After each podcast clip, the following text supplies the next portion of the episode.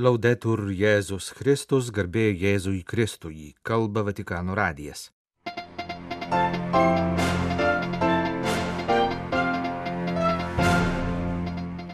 Popiežiaus bendroji audiencija - katechezė apie paštališkai paraginimą Evangelijai Gaudium. Popiežiaus susitikimai su prancūzais, patyrusiais seksualinį išnaudojimą bažnytinėje aplinkoje ir su futbolininkais iš Škotijos. Dėl popiežiaus negalavimo atšaukta jo kelionė į Dubajų, kur turėjo dalyvauti klimato kaitos konferencijoje. Popiežius pasveikino pranciškonus jų vienolyjos regulos patvirtinimo 800 metų sukakties proga. Cari fratelli e sorelle, buongiorno e benvenuti. Dviejų ankstesnių bendrųjų audiencijų katechezėse kalbėta, jog krikščioniškasis skelbimas yra džiaugsmo versmė ir yra skirtas visiems. Trečioje Evangelijai Gaudium dešimtmečio skirtoje katechezėje kalbėta apie tai, kad šis visiems skirtas džiaugsmas yra ne vien praeičiai, bet ir šiandienai. Kokiu būdu? Galima pridurti, jog lapkričio 29-osios bendroji audiencija vyko Pauliaus VI salėje Vatikane.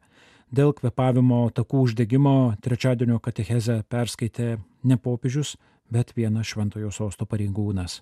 Bendrosios audiencijos pabaigoje Pranciškus pridėjo keletą sveikinimų žodžių, paminėjo šventąją žemę ir Ukrainą, suteikė palaiminimą. Si sente quasi sempre parlare male dell'oggi. Certo, tra guerre, cambiamenti Girdima, pažymima katechezija, jog šiandien yra blogai. Žinoma, karai, neteisingumas, migracijos, šeimos krize, klimato pokyčiai kelia nerimą. Taip pat rodos įsivyravo kultūra, kuriai individas yra virš visko, o technologijos einančios pirmin gigantiškais žingsniais, padedančios išspręsti daug problemų atsidūrė visko centre.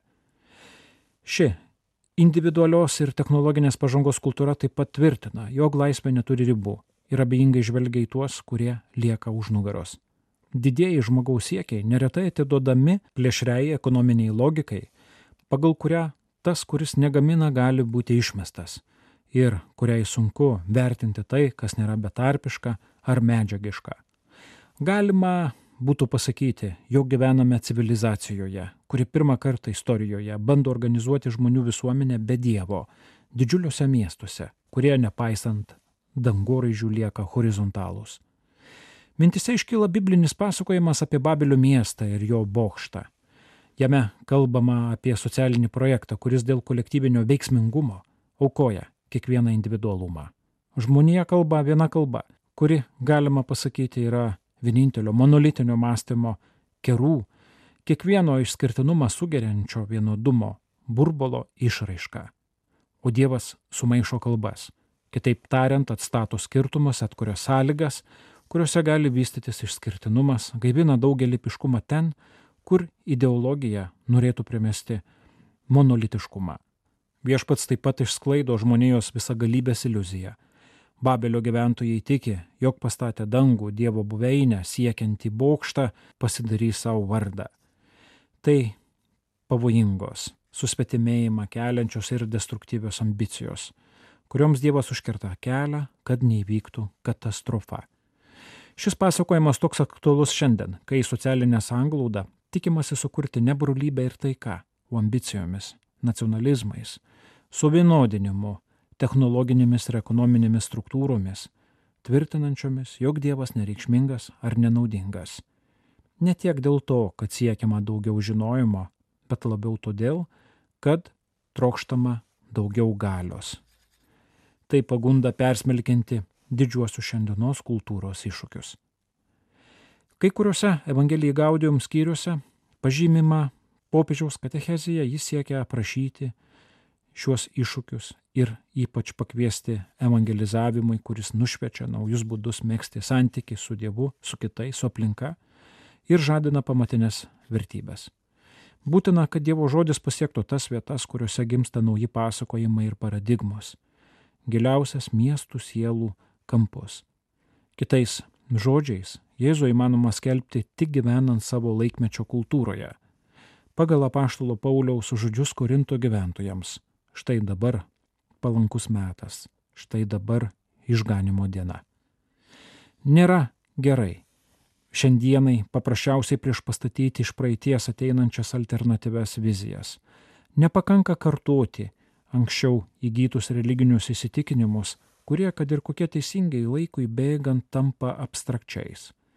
Skelbiama tiesa tampa įtaigesnė ne todėl, kad pakeliame balsą ją ištardami, o todėl, kad liudijame ją savo gyvenimu. Apaštalavimo olumas nesusideda iš paprasto išmoktų dalykų kartojimo, bet turi būti liūdėjimas, jog Evangelija mums gyvybiškai reikalinga ir šiandien. Tai suvokdami žvelgime į savo amžių ir kultūrą kaip dovana. Jie yra mūsų ir evangelizuoti juos neturi reikšti jų teisimo iš tolo. Taip pat nepakanka šaukti Jėzaus vardą iš balkono, nes reikia išeiti į gatves eiti ten, kur žmonės gyvena, lankytis erdvėse, kur žmonės kenčia, dirba, mokosi ir masto. Stovėti kryškelėse, kur žmonės dalyjasi tuo, kas svarbu jų gyvenimai. Taip tapsime kaip bažnyčia dialogo, susitikimo ir vienybės raugo. Juk pačios mūsų tikėjimo formuluotės yra skirtingų kultūrų, bendruomenių ir nuostatų dialogo bei susitikimo vaisius. Neturime bijoti dialogo. Priešingai, būtent konfrontacija ir kritika padeda teologijai nevirsti ideologiją. Privalome būti šiandienos kryškelėse. Jei išeisime iš jų, nuskurdinsime Evangeliją, o bažnyčią redukuosime į uždarą sektą. Ir priešingai, kryškelių lankymas padeda mums krikščioniams iš naujo suvokti savo vilties priežastis, ištraukti iš tikėjimo lobio naujų ir senų dalykų, bei dalytis jais. Jei norime, kad pasaulis atsiverstų, reikia ir silovados atsivertimo. Geresnio Evangelijos įkūnijimo šiandienos kontekste. Padarykime savų Jėzaus truškimą, padėti bendrakeleiviams neprarasti Dievo jausmo, atverti jam širdį, surasti tą vienintelį, kuris šiandien ir visada žmogui dovanoja džiaugsmą bei ramybę. Dona pace e gioia all'uomo. Saluto cordialmente i pellegrini di lingua francese giunti da diverse... Po trečiadienio katechezės buvo sveikinamos įvairios bendrojoje audiencijoje dalyvavusios piligrimų grupės, priminta, jog baigėsi eilinis liturginis laikas ir netrukus įžengsime į kalėdinį laikotarpį. Per favore, continuiamo a pregare per la grave situazione in Israele Ir toliau melskime už sunkę padėtį Izraelyje ir Palestinoje. Taip reikia taikos. Tikiuosi, kad gazos rože paliaubus bus pratestos, kad bus išlaisvinti visi įkaitai ir bus leista įvežti būtiną humanitarinę pagalbą.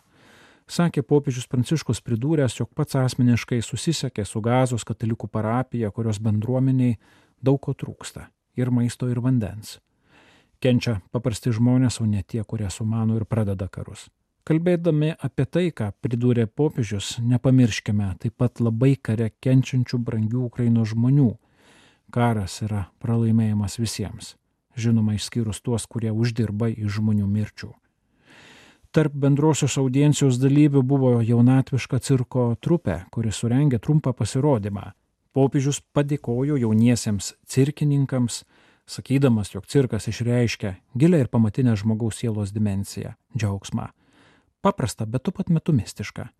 Jis pagyrė puikų fizinį pasirengimą, nebejotinai pareikalavusi daug pastangų ir paprašė visus audiencijos dalyvius paploti cirkininkams. Eh? O dabar visiems suteikiu palaiminimą. Atsisveikino popiežius Pranciškus. Nors bendra popiežiaus susirgusio gripu ir kvepavimo takų uždegimu sveikatos būklė pagerėjo, Gydytojai paprašė Pranciškaus atsisakyti ateinantį savaitgalį suplanuotos kelionės į Dubajų, kur prasidės 28-oji Junktinių tautų konferencija apie klimato kaitą. Popiežius Pranciškus su dideliu apgailestavimu priemė gydytojų prašymą ir kelionė yra atšaukta. Lapkričio 28-osios vakare pranešė Šventojo sostos spaudos salė trečiadienio rytą prieš bendrąją audienciją popiežius susitiko su Škotijos Glasgow Celtic futbolo komandos žaidėjais. Jie antradienio vakarą Romoje žaidė su Italų Lacijo komanda. Popiežius dėl jau kelias dienas trunkančio negalavimo tik keliais žodžiais pasveikino žaidėjus, o šiam susitikimui parengtą jo kalbą perskaitė į susitikimą jį atlydėjęs kunigas. Glasgow Celtic futbolo komanda turi gana ilgą istoriją, ji buvo įkurta 1887 metais, siekiant padėti skurstančių miesto rajonų jaunimui. Popiežiaus sveikinime visų pirma kalbama apie futbolo ir bendrai sporto ugdomąją reikšmę. Tokių vertybių kaip drąsa, atkaklumas, dosnumas ir pagarba kitų orumui liudijimą. Tai užkrauna didelę atsakomybę ant žaidėjų pečių ir primena, kad jie turi būti geras pavyzdys jaunimui. Aukšti standartai, kurių žaidėjai turi siekti, galioja ne tik futbolo aikštėje, bet ir kasdienėme gyvenime.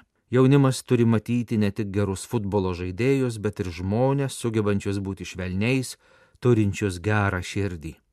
Popiežius prašė žaidėjų visada atsiminti, kad į juos yra nukreiptos jaunimo akys ir kad tai pareigoja visada liudyti tai, kas futbolą daro iš ties gera ir kilne sporto šaka. Antradienio popietę popiežius Pranciškus susitiko su grupe žmonių iš Prancūzijos Nanto vyskupijos kurie praeitie buvo tapę seksualinio išnaudojimo aukomis bažnytinėje aplinkoje. Šie žmonės vaikystėje arba paauglystėje nukentėję nuo kunigų atvyko į susitikimą, kurį surengė popiežiškoji nepilnamečių apsaugos komisija. Susitikimas vykęs antradienio rytą truko maždaug dvi valandas. Seksualinį išnaudojimą patyrusieji žmonės buvo atidžiai ir su atjauta išklausyti. Jiems buvo taip pat perskaitytas popiežiaus pranciškaus sveikinimas. Pats popiežius dėl negalavimo negalėjo asmeniškai pasakyti jiems skirtos kalbos. Vis dėlto ketvirtadienį po pietų įvyko ir trumpas jų susitikimas su Pranciškumi. Per rytinį susitikimą perskaitytame popiežiaus sveikinime sakoma, kad Pranciškus paprašė komisiją išklausyti bažnytinėje aplinkoje nukentėjusių žmonių žodžius ir surinkti jų liudijimus, kad jie galėtų dar labiau sustiprinti įsipareigojimą išrauti su šaknimis seksualinį išnaudojimą iš bažnyčios bendruomenių. Tai galima padaryti tik visiems kartu, visiems įnešant savo indėlį, kad būtų nutraukta tyla. Tai ne visada lengva, sako popiežius, todėl yra sveikindinas tikinčiųjų iš Nanto viskupijos sprendimas atvykti ir atvirai pasikalbėti.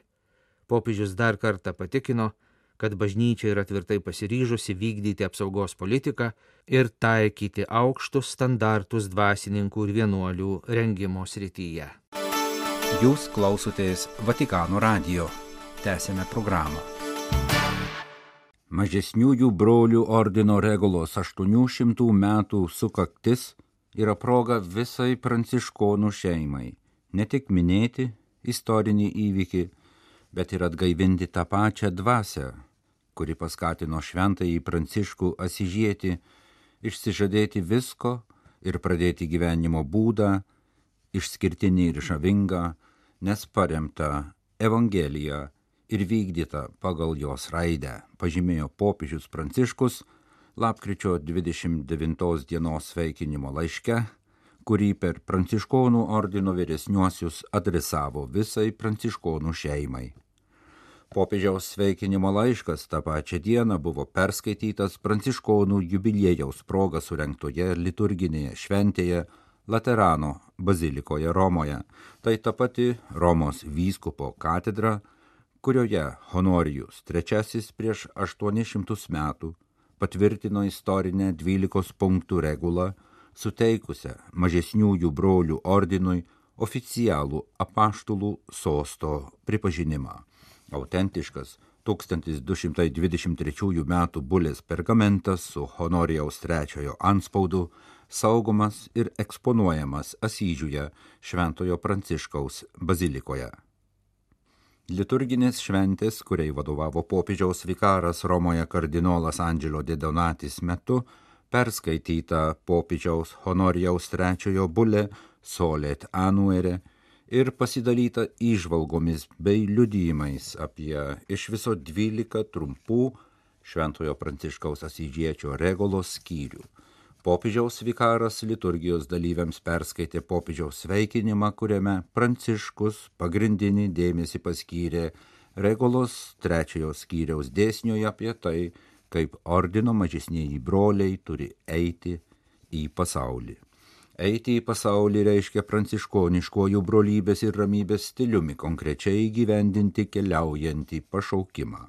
Be barnių ir kivirčių tarpusavyje ar su kitais, ramiai ir maloniai liudyti mažumą, skelbti viešpaties taiką ir pasikliauti apvaizdą. Tai visiems galima evangelinio gyvenimo programa, patikino laiške popiežius.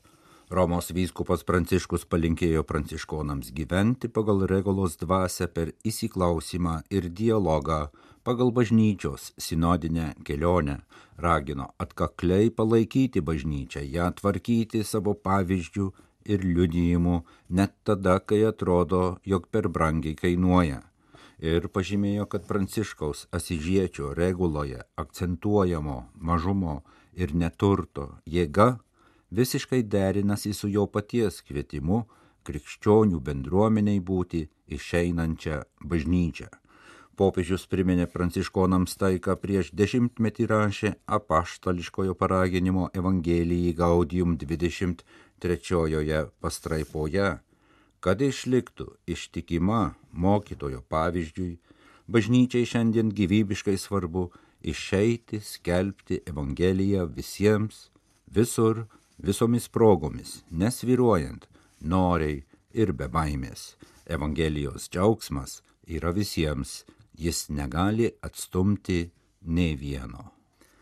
Popiežius ragino pranciškonus eiti į pasaulį, kad brolybės ir mažumo dvasia dalytųsi neturto palaiminimu ir taptų iškalbiu Evangelijos ženklų, karų ir konfliktų, visokios rūšies egoizmo, vargstančiųjų ir aplinkos išnaudojimo logikai paženklintai dabartiniai epochai. Evangelija tikrai yra toji geroji žinia žmonėms. Evangelija leidžia atrasti geriausią kelią naujos žmonijos sukūrimui ir drąsiai eiti pas Jėzų, kuris, anot apaštalo Šventojo Pauliaus laiško korintiečiams, būdamas turtingas, dėl mūsų tapo vardienis, kad mes taptume turtingi per jo neturtą. Vilkaviškio vyskupijos kurija pranešė, kad šį trečiadienį, lapkričio 29 dieną, Veiveriuose mirė kunigas Kazimieras Skučas. Jis buvo gimęs 1934 metais. 1965 buvo pašventintas kunigu. Dirbo vikaru Kedainiuose, Prienuose, Alytuje, Klebonu, Sangrūdoje, Veiveriuose ir Pažėruose. Kunigas Kazimieras Skučas pašarvotas Veiverių Šventojo Liudviko parapijos bažnyčioje. Šventosios mišios už velionį buvo aukotos jau trečiadienio vakarą, bus aukojamos ir ketvirtadienį, lapkričio 30 dieną 18 val. Penktadienį gruodžio 1 12 val. Veiverių Šventojo Liudviko parapijos bažnyčioje bus aukojamos laidotuvių mišios, po kurių kunigas Kazimieras Skučas, kaip pageidavo, bus palaidotas tos bažnyčios šventoriuje.